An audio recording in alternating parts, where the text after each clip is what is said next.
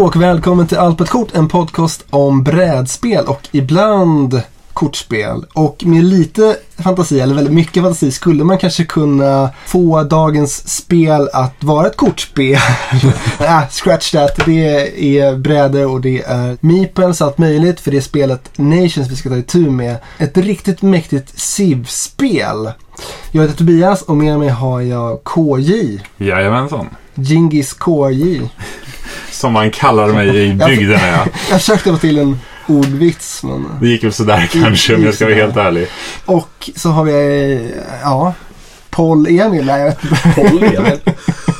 Vilken skandalöst oförskämt sagt. Ja, vi har inte förberett det här Nej. introt känner jag. Jag heter ju till och med Sykes.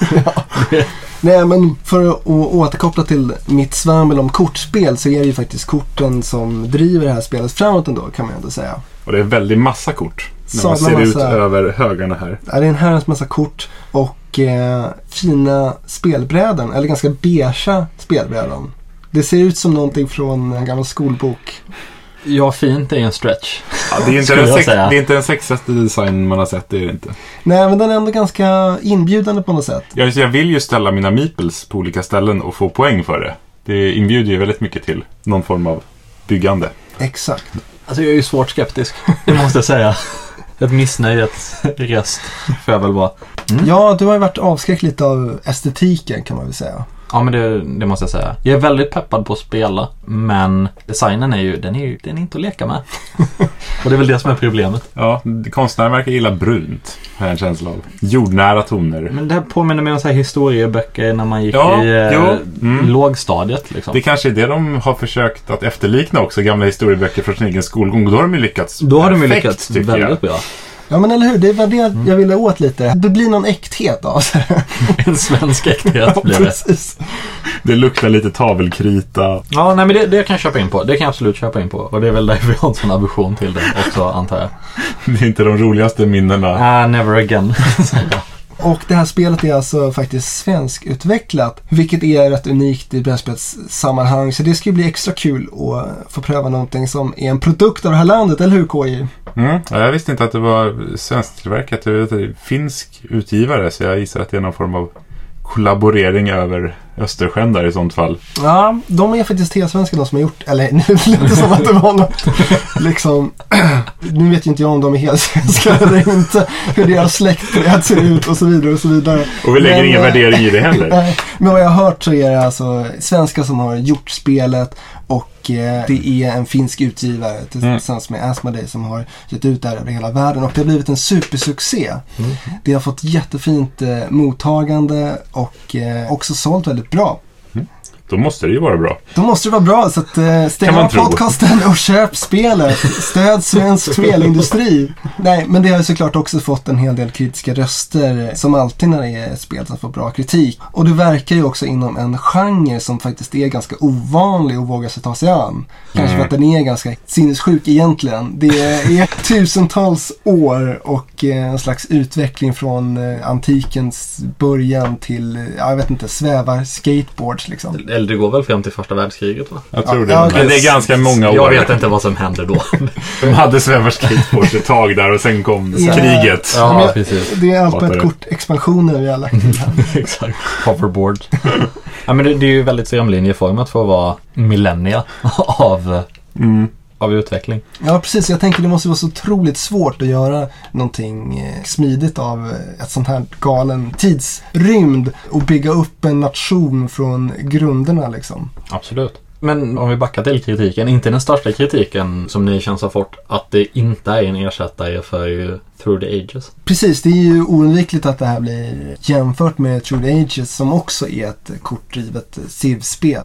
Ja, det är väl de som älskar True the Ages som, precis som när Eclipse kom och eh, många bara sköt ifrån sig sina kistformade Twilight Imperium-lådor och liksom aldrig mer. Nu kör vi Eclipse. Det är så otroligt mycket snabbare och smidigare. Jag tänker aldrig gå tillbaka till det här monstret. Nej men då är man ju också en eh, vansinnig person. Om man vänder ryggen till eh, TI3. Men Ja.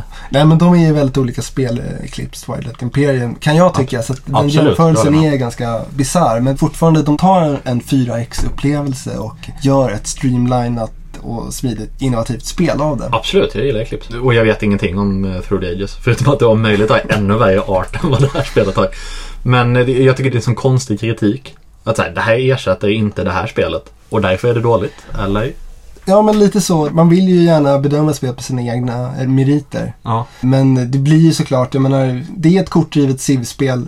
True the Ages är också det. Men Absolut. det det här försöker göra är någonting väldigt annorlunda, tycker jag. För det försöker få det här att vara tillgängligt för, ja, kanske inte vanliga spelare. Nu har ju inte vi kavlat upp armarna och börjat spela ännu. Men spontant så känns det här som ett spel som eh, är nästan lite gateway-aktigt. Det känns betydligt mer inbjudande och lättsmält än True Ages i varje fall. Ja men det är väl lite som man säger, matigare än uh, Seven Wonders. Eller ja, betydligt matigare såklart. Det är bara att kolla Mm. på det här. Jo, men precis. Men ändå inte ett allt för långt steg ifrån. Nej, Nu får vi ju se liksom. Jag kanske har superfel när jag sitter och... ja nej och det är ju bara saker som jag har hört också som jag sitter och bekräftar dig i. Va? Har ni inte belägg för det ni kastar ut det här? Nej, Jag rasar. Har jag aldrig här i den här podcasten. Men eh, vad är ert eh, förhållande till Civ-spel? Och då snackar vi över de digitala gränserna. Ja, tack. Ja, det får vi ju hoppas eftersom jag inte har någon som helst erfarenhet om man ska säga, i, i brädspelssammanhang. Men det har visst, det blev lite Civilization på den tiden när det var lite grann inne, de första inkarnationerna. Men jag var nog mer åt Colonization än Civilization. Nej, jag har väl spelat, eh, ja men Seven Wonders som man nu överhuvudtaget kan kalla det för ett Civ-spel. Ja, nej men Ja, alltså i tematiskt absolut. Men Ja. eh, det är ju väldigt abstrakt spel. Precis, och annars har jag inte spelat alls faktiskt. Jag är jättenyfiken på det. här. Age of Empires har jag spelat en del på data. När det Mm. begav sig. Men då var det ju bara enter och så typ lasertrupper. De här fuskarna man kunde... Det var ju helt fantastiska när man kunde få laserskjutande bilar och nuke-soldater och sånt. Mycket dåligt. Det var inte så historiskt korrekt menar du? Inte särskilt. Men det är ju deras eget fel som lägger in så simpla fusk. Vad känner ni inför Civ-byggande? Känns det kul? Känns det här roligt skit? Alltså när, när du försöker marknadsföra alltså, Civ-genren för mig är... Jag ser framför mig eoner av tid som går åt för att ta till sig hela spelupplevelsen. Mm. Och det tror jag inte att det här är. Men däremot handlar det om stora mängder tid. Så jag hoppas att det här är åt det mer streamlinade hållet som vi säger då. Inte för att jag har någonting emot eh, längre spel, men när det låter som att det här ska vara en, en civilisationssimulator där man sitter över tusentals år och fifflar med gubbar. Så... I realtid. Ja, exakt. Ja, nej men precis. Det är ju såklart omöjligt. Men och ändå få den eh, känslan av att bygga upp en eh, civilisation från grunden och förbättra sig och få svepas med i tidsepokerna. Kanske man ändå kan få en liten, Ja, en litet korn på det är ju det man hoppas. Jag, jag är bara rädd att jag som oftast i sådana här typer av spel där jag håller på med det alltid hamnar på någon liten efterkälke. Jag tycker åh, oh, jag har uppfunnit eh, stenyxan. Vad fan har ni flintlåspistoler? Ja, men, ja, men nu har jag flintlås. Jag bara, fan har ni maskingevär? Alltså, att alltid vara så här några århundraden efter hela tiden. Konstant uppförsbacke. Ja. Nej, men jag håller ju verkligen tummarna att det kommer en sån här framtidsexpansion till det här spelet så att vi får uppleva de här laserpistolerna och, och svävarna och sådär.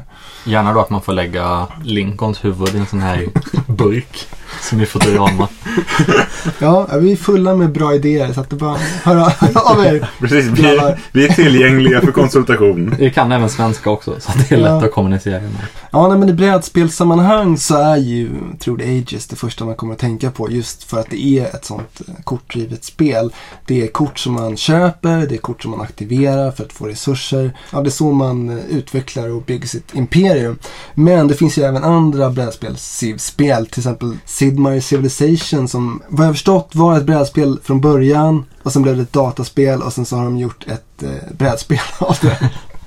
Och eh, så har vi också Clash of Cultures som eh, släpptes eh, för ett drygt år sedan. Men eh, där ambitionen ändå är ganska annorlunda för det är verkligen arméer och byggnader, kartor, det är hela den biten. Och det har de ju helt skalat bort här. Ditt imperium är ju den här spelarbrädan där det finns platser för kort. Så att eh, det kommer inte vara så mycket erövra och slåss med barbarer vad jag har förstått. Utan man kan skapa krig, man kan rusta upp men det är inga direkta konfrontationer som det är på en karta och expanderande av den sorten. Så jag vet inte om man egentligen kan jämföra med Clash of Cultures för det känns verkligen som en helt annan typ av spel.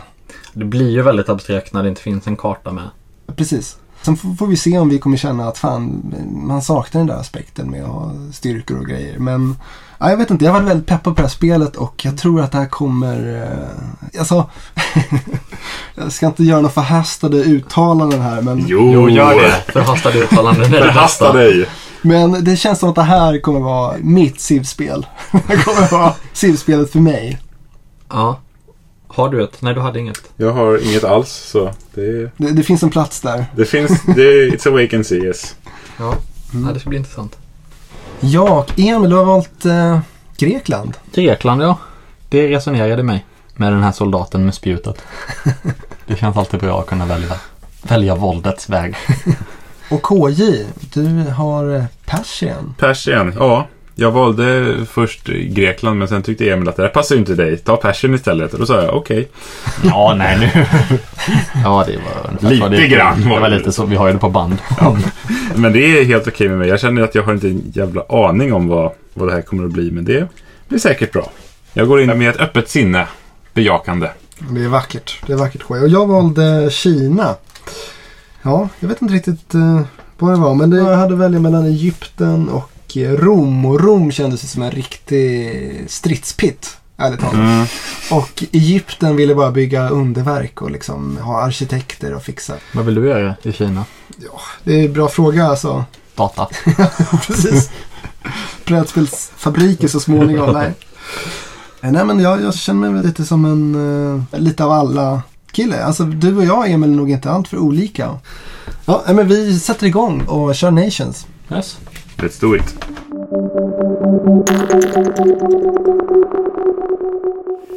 Ja, då har vi alltså kört eh, två rundor av åtta möjliga.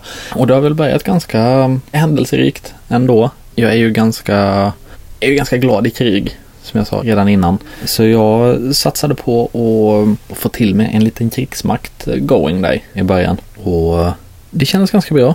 Jag låg väldigt långt fram rent krigiskt. Hade en liten plan där om att försöka få ner både KJ och eh, Tobias i eh, det här lilla krigsstraffet som man får om man förlorar ett krig. Och det var att bli av med lite böcker, eller lite knowledge är det väl det jag representerar. Och det hade ju då till slut gjort att de skulle förlora varsin VP extra, var min tanke. Men eh, både KJ och, och Tobias lyckades slingra sig ur det där genom att ha läst reglerna bättre än vad jag gjorde. Så eh, KJ kunde blocka mycket av det genom att hans nation är stabil som fan. Och eh, Tobias gjorde det genom att rent okaraktäristiskt level upp sin armé också.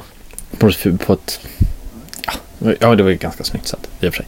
Han var sist, han väntade ut oss och eh, såg till att få sista ordet helt enkelt. Eh, så det var första rundan. Ganska händelserikt men eh, till slut också ganska händelselöst. Vi gjorde vår grej. Det gick lite plus, det gick lite minus.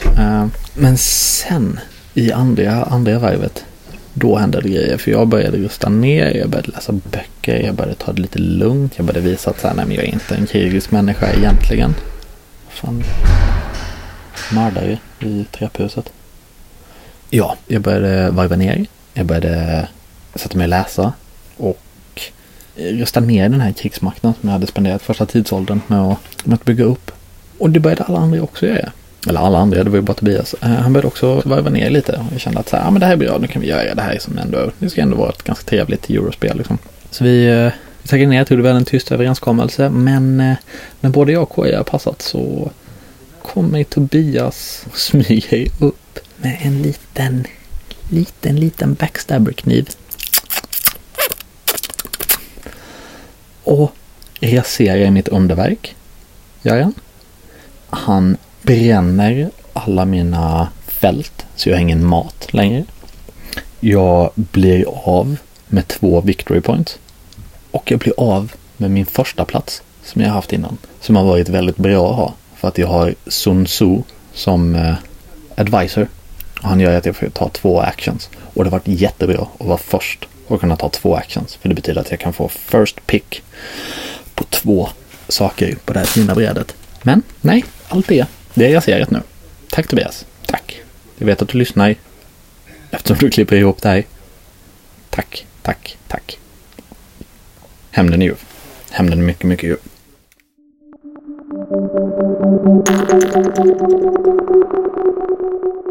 Ja, hallå, Goje här. Nu har vi alltså kommit eh, halvvägs i spelet. Två åldrar avklarade av de fyra. Och jag blev eh, precis anklagad för att vara en otrevlig spelare då jag ledde alla tracksen, tycker de. Första spelare, mest militär styrka och stabilast rike. Det var tydligen inte helt okej att ha det, men ja, så kan det gå. Ja, militären har jag inte brytt mig om så mycket hittills. Emil gick ut hårt militäriskt och Tobbe blev meddragen i det. Medan jag valde att ha en, eh, en rådgivare som var åt mera lugna och fina hållet. Och gav eh, bokbonus när man hade hög stabilitet. Stabilitet var även en, en bonusmål den första rundan. Så då, eh, då kändes det som en bra väg att gå. Om alla andra krigar då försöker jag vara lugn och stabil. Och till en början såg det inte ut att betala sig så bra. Eller ja, det blev inga victory points av det i alla fall.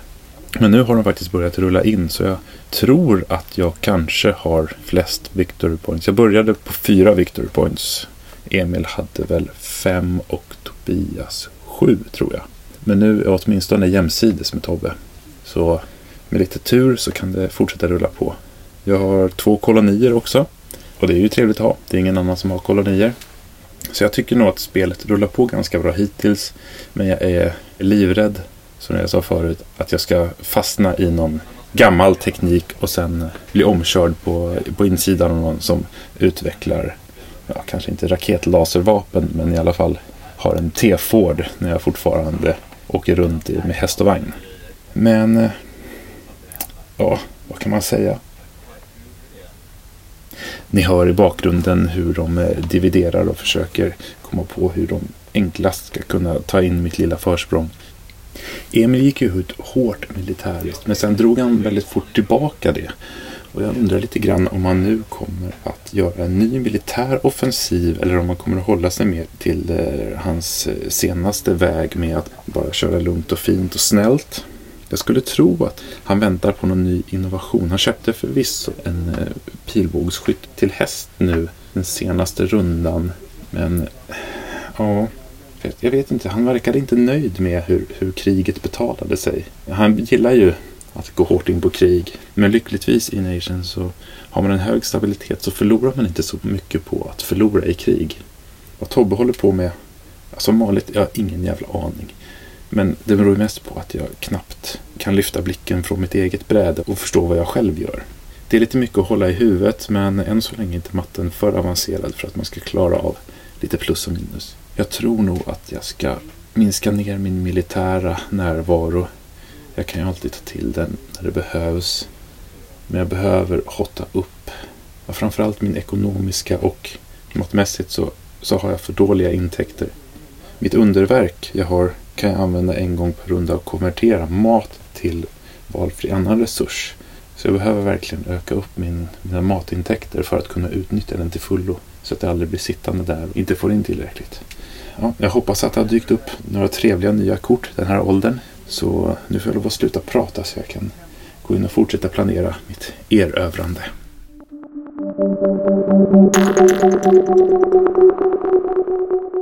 Hallå på er, det här är Tobias och jag rapporterar från runda nummer tre, eller epok nummer tre. Det är renässansen som vi tagit oss igenom ända från antiken, medeltiden och nu så går vi in i industrialismen. Och ja, jag som jag ofta brukar göra när jag spelar med Emil och KJ så hamnar jag någonstans i mitten. Jag försöker förgäves eh, hålla jämna steg med Emils militära rustningar och attacker och eh, samtidigt inte låta KJ skjuta iväg allt för mycket med sina byggen och sina kulturella och arkitektiska eh, ambitioner. Så jag öppnade ganska krigiskt där. Jag tror att de andra blev kanske lite överraskade över att jag spelade så pass dirty. Men när man har att göra med de här gossarna då får man eh, ta till det där lilla extra. Jag har för övrigt blivit lite av en årspecialist och fullkomligt badar i sten. Jag har eh, byggt ett enda underverk och det känns väl som att det är någonting som jag kanske hade kunnat vara bättre på eftersom det kan ge en väldigt trevliga bonusar. Jag har ett eh, krigiskt tempel som alltid ger mig sex stycken i krig och nu när jag står här och pratar om det så inser jag att det har varit en ganska krigisk omgång från min sida. Jag är helt hopplös på den här balansmätaren i stabilitet. Där har jag legat på noll poäng tror jag genom hela spelet och eh, förlorat en hel massa och fått några riktiga snytingar av eventkort eftersom det oftast eh, belönas på sådana kort. Ja, mina medspelare som sagt, eh, de har kört eh, ganska mycket av karikatyr av sig själva. Emil som sagt började väldigt krigiskt och rustade upp. Jag vet inte om han på något sätt gjorde någon slags fint liksom. Att han liksom låtsades att eh, nu, nu fan ska jag lemlästa och mörda. För eh, sen har han på något sätt släppt det där också. Och eh, nu den här senaste rundan då dök det inte ens upp något eh, krigkort. Så att det kunde inte startas något krig. Men alla är ganska väl förberedda på om det skulle hända tror jag. Men eh, KJ är väl den som eh, i särklass går bäst för. Han leder liksom på alla jävla mätare som finns i spelet. Och det känns eh, riktigt frustrerande. Han har fått till en riktigt bra ruljans. Han har eh, flera kolonier. Han har eh, underverk. Och nu så har han börjat att skaffa fler arbetare. Så, att, eh, så han kommer nog hova in poäng här. Jag försöker förtvivlat byta in resurser mot VP. Och, eh, och har faktiskt skaffat Versailles här i slutet av renässansen som jag ska försöka bygga. Jag har inte riktigt bestämt mig om ambitionen är att jag ska försöka bygga eller bara få de andra att tro att jag ska bygga Versailles. Och Sen hitta på någonting helt annat. För Versailles är värd fyra stycken poäng och eh, det låter inte mycket men i det här spelet så är varje liten poäng värd väldigt, väldigt mycket. Så vi får se vad vi ska hitta på. Ehm, det vore kul med i varje fall ett nytt underverk. Ja, då går vi in i industrialismen.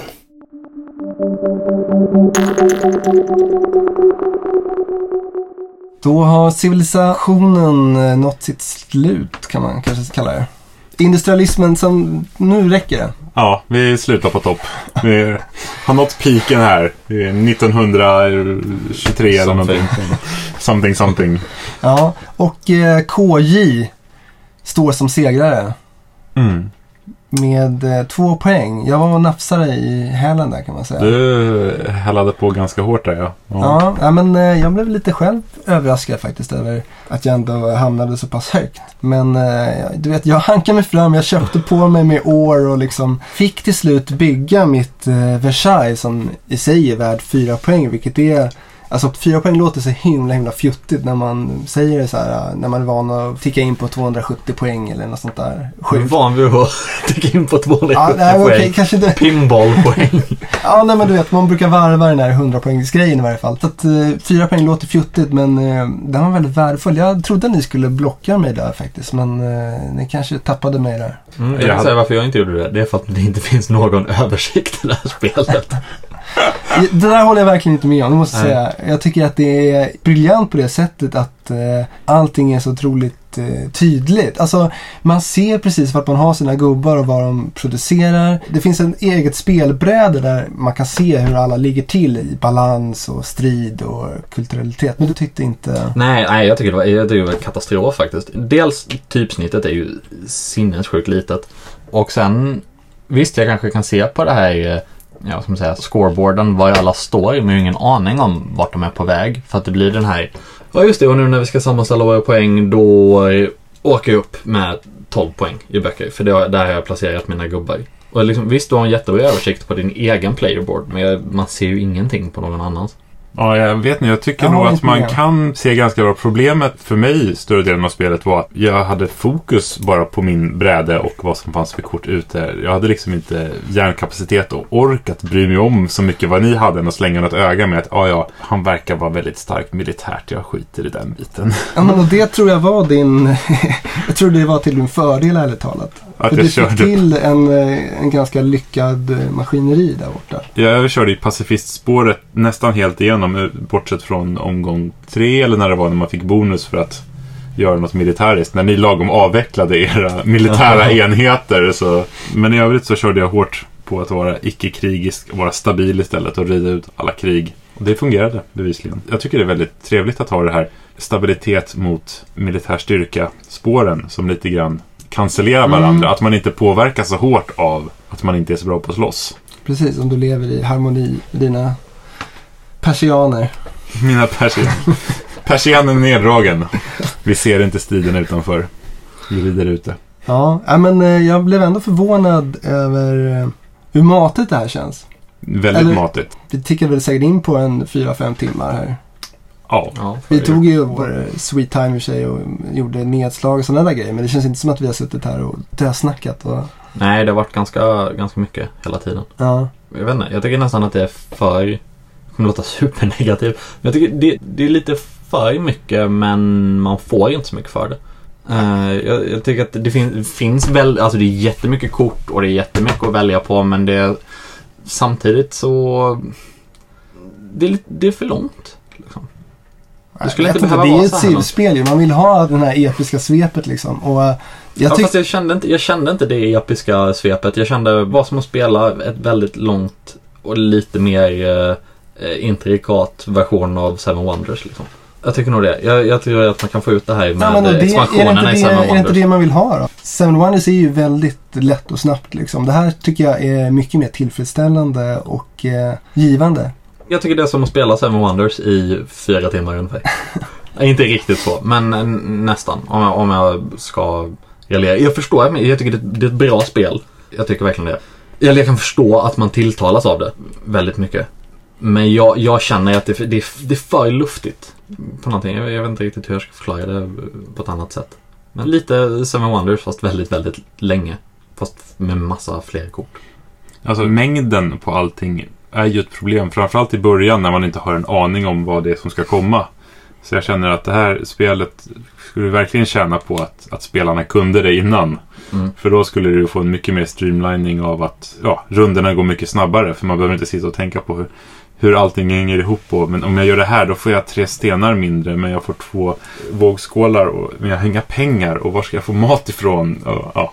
Fast den grejen måste man ju göra hela tiden ändå. För att det ligger ju olika nivåer i varje tidsålder när vi delar ut de här resurskorten. Det är ju helt randomiserat. Mm. Det, det finns ju ingen struktur i det. Så Nej. det kan man ju aldrig förutse. Nej. Eh, och man kommer alltid ha en strategi som bygger på att man behöver ore eller att man behöver pengar eller att man behöver mat. Mm. Whatever. Och det är ju, många av de här korten kommer man inte se. Så omspelningsvärdet är ju, det är ju fantastiskt. Det är ju Mm. jätte, jätte, jättebra. Men det lider lite av också samma problem som Seven Wonders har, särskilt i början då, när man väl kommer till poängräkningen.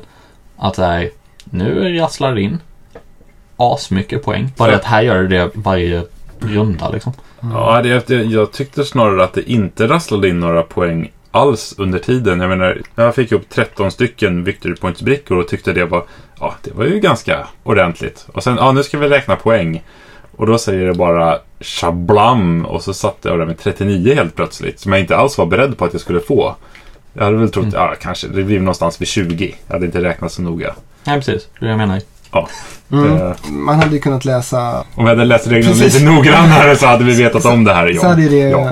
Uppdagats liksom. Men jag tycker ändå, det är ju ganska tydligt ändå vad man hela tiden har för poäng. För det står ju på korten och Mm. man ser hur man ska placera sina arbetare för att få maximalt poäng och sådana där saker. Men sen så absolut det här sista totalsumman där man lägger ihop eh, sin eh, balans, man lägger ihop sina bokvärden, sina resurser och sen så delar man det på 10 tror jag. Det var vi lite oförberedda på. Mm. Men jag tycker det- det speglar ju spelplanen ganska bra ändå. Jo, jag tycker just de där böckerna, för att knyta an till vad det faktiskt är man har kämpat om. Att, Ja, det var en riktig kallers för mig som helt negligerar böcker i den här sista Mm. omgången. Eftersom Emil sprang om mig. Det blev ju värsta bokmalen. Ja, jag läste på jättebra där. Ja. Eh, men jag tycker det funkar väldigt bra att ha det som... Det är ju det vi har slagits lite grann om. Det är det man vinner och förlorar ofta. Men det är ju inte victory points i sig, utan var man ligger på den skalan så får man victory points vid Ja. jämna mellanrum. Mm. Mm. Att ha ett annat värde. Det är ju lite den som, eh, som drar in det. Jag, alltså, skulle man ge ett råd så är det ju satsa på böckerna. För att till slut så... Dels är det den enda här, resursen som mer eller mindre är fast. Den fluktuerar inte så mycket. Alltså du, Mm. du jobbar dig upp på den. Medan krig och ska säga, harmoni eller balans. Mm. Det går ju upp och ner beroende på var du flyttar dina, dina meeples. Men leder man hela tiden på tre, tre spelare spel. Då kommer man tugga in åtta victory points på böckerna Plus hur långt man nu kommer. Så det, Mm. det, är liksom, det är det som är den stora intjäningen av Victory Points. Ja, Jag vet inte, jag tror att det finns väldigt många olika sätt att spela det här spelet på. Ja, eh, det finns det helt klart. Mm. Till exempel, du körde ju väldigt mycket på underverk KI och det gick ju rätt kalasbra. Ja, det verkade funka. Och kolonierna kändes ju också som en viktig del i spelet. Jag tycker det känns otroligt väluttänkt hur de har balanserat det här stridsvärdet och balansvärdet och hur man får alla de här hjulen att försöka snurra tillsammans. Mm. Och eh, man kan ju verkligen styra det i sin egen riktning också. Så jag tycker det är inte helt så här nu Bam, det här måste du förhålla dig till. Utan det är lite sådana saker. Det dyker upp eventkort. Men man kan ha en plan och gå i mål med den. Just det här du säger balanserat. Det känns extremt välbalanserat ändå. För när man tittade på det först så kändes det som att det här är bara hejsan hoppsan mängder resurser. Men allting verkade vara väldigt rimligt avvägt mot varandra. Och vi började ju med olika mängd resurser och victory points och sånt där. Och det verkade också...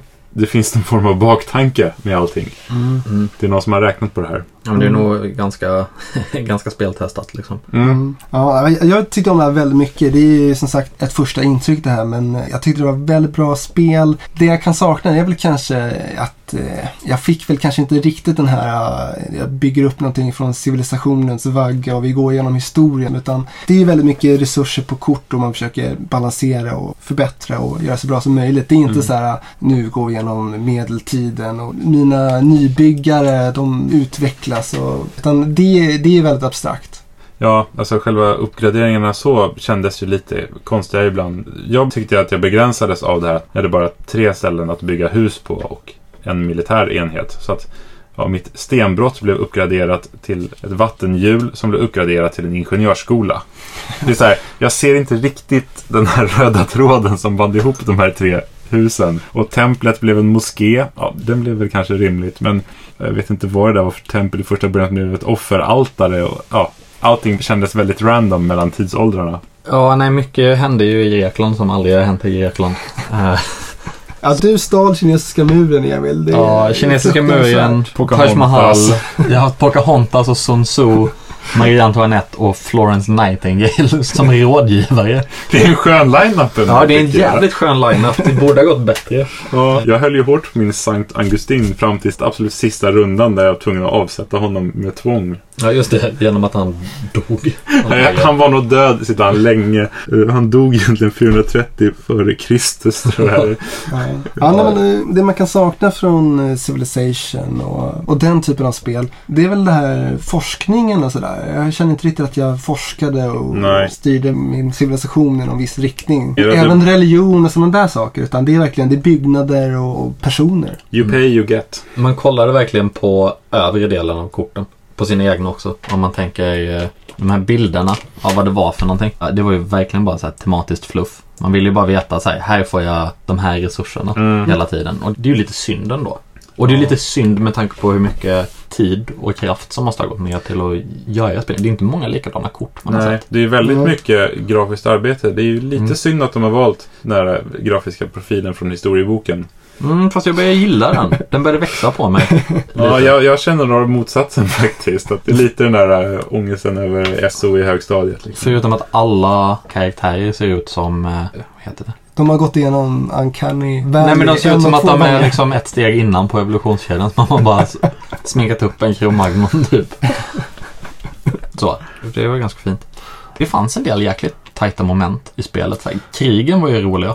Ja men eller hur. Om du jämför med, med Seven Wonders så är det en helt annan Ja, laddning. absolut. Ja, Seven Wonders suger ju rent krigsmässigt. Alltså, verkligen. Nej, men det var kul. Det var jätteroligt att se att de har gjort det på ett väldigt fiffigt sätt som inte blir så eh, blodtörstigt, men det blir inte helt tandlöst heller. Nej, precis. Om någon startar krig så har alla chans att uppgradera sig nog för att klara sig liksom. eh, helskinnade igenom. Ja. Om det inte kriget dras på en riktigt dick movie sista rundan när alla andra har passat eller sådär. Men då får man ju skylla sig själv om det har legat uppe hela så länge. Ja, det drabbar ju alla, eh, mer eller mindre. Ja. Det är ju inte så riktat. Ja men precis, alltså jag gillar lite det att det är liksom en mot alla. Det är inte flera som hackar på en, utan det är en som bara startar igång en våg av eh, krig och våld. Ja, men det blir så här, det blir okontrollerbart också. För man kan lika gärna åka dit på det själv.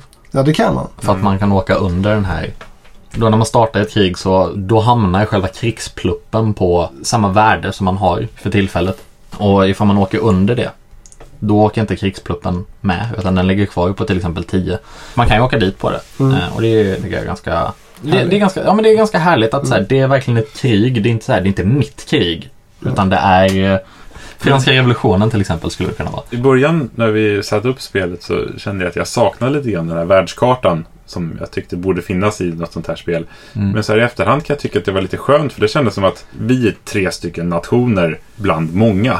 Det finns liksom andra vi kan gå och kriga med. Vi behöver inte kriga med varandra. Det är Nej. ja, att hela världen råkar ut för allt sattyg som händer. Ja. Alltså jag var ju och nosade lite på det här i början om Gateway och det kan vi säga att det är väl kanske inte riktigt. Alltså det är ju, grundprinciperna är ju ganska enkla men det är fortfarande ganska abstrakt och om Seven Wonders är på gränsen till att vara ett Gateway-spel så är det här en annan liga ändå. Men det är fortfarande sådär, är det någon som är intresserad och, och villig att ge det lite tid så tror jag inte att det kommer vara något problem. Nej, det är väl där in- initieringstiden som kan vara... Tröskeln är kanske inte hög, men den är i alla fall märkbar och det är lite uppförsbacke efter tröskeln innan det tar fart, tycker jag. Mm. Så att man måste ge det lite tid innan, innan det kan ge tillbaka till fullo. Mm. Känns som ett spel man spelar i sommarstugan. Liksom. Man hittar det i sommarstugan och säger jaha, ska vi testa spela ett spel och så lär man sig det. Ja. Det, men det känns som ett ganska klassiskt Mm. spel i komplexitet. Alltså, det är ju inte skitsvårt. Men vad tyckte du Tobias? Du gillar det? Ja, jag tyckte det var ett väldigt bra spel. Ja. Jag satt som klistrad genom hela spelaromgången här och fick lite puls då och då. Alltså, Ja, men det fick man. ska det kickas igång ett eh, krig nu här liksom? Behöver jag rusta upp mig? Hur fan ska jag få ihop till den här maten? Eh, Jag tyckte det var mycket att tänka på på en sån lagom nivå liksom. Det var inte Terra Mystica sitter och bara gråter. Utan Nej, Terra Mystica är ett fantastiskt spel men det får inte mitt huvud explodera lika mycket som eh, Terra Mystica fick. Nej men jag gillar det också. Det är så här jävligt sympatiskt spel också. Man kan börja på olika svårighetsgrader så att om du har spelat det här en tio gånger och möter en nybörjare så kanske du kan, ja. Då är det väl gentlemannamässigt av det att börja på en lite svårare nivå. Så det blir roligare för båda och det blir jämnare. Och jag gillar också det här med begränsningarna i spelet. Man har ett spelarbräde och man har plats för olika saker och det måste matcha färgen. Och det blir aldrig så här ett hav av kort utan man får kämpa för de här små byggnaderna. Oavsett vad man börjar med för land eller för nivå så är ju alltid brädet fullt när det gäller byggnader. Och man har... Ja men precis, jag gillar att man ersätter byggnader med Man måste andra. ersätta, måste Att det slänga inte bara blir någonting. ett jävla hav till slut. Utan man har i princip fem platser liksom som man ska göra någonting vettigt av. Jag gillar den eh, begränsningen.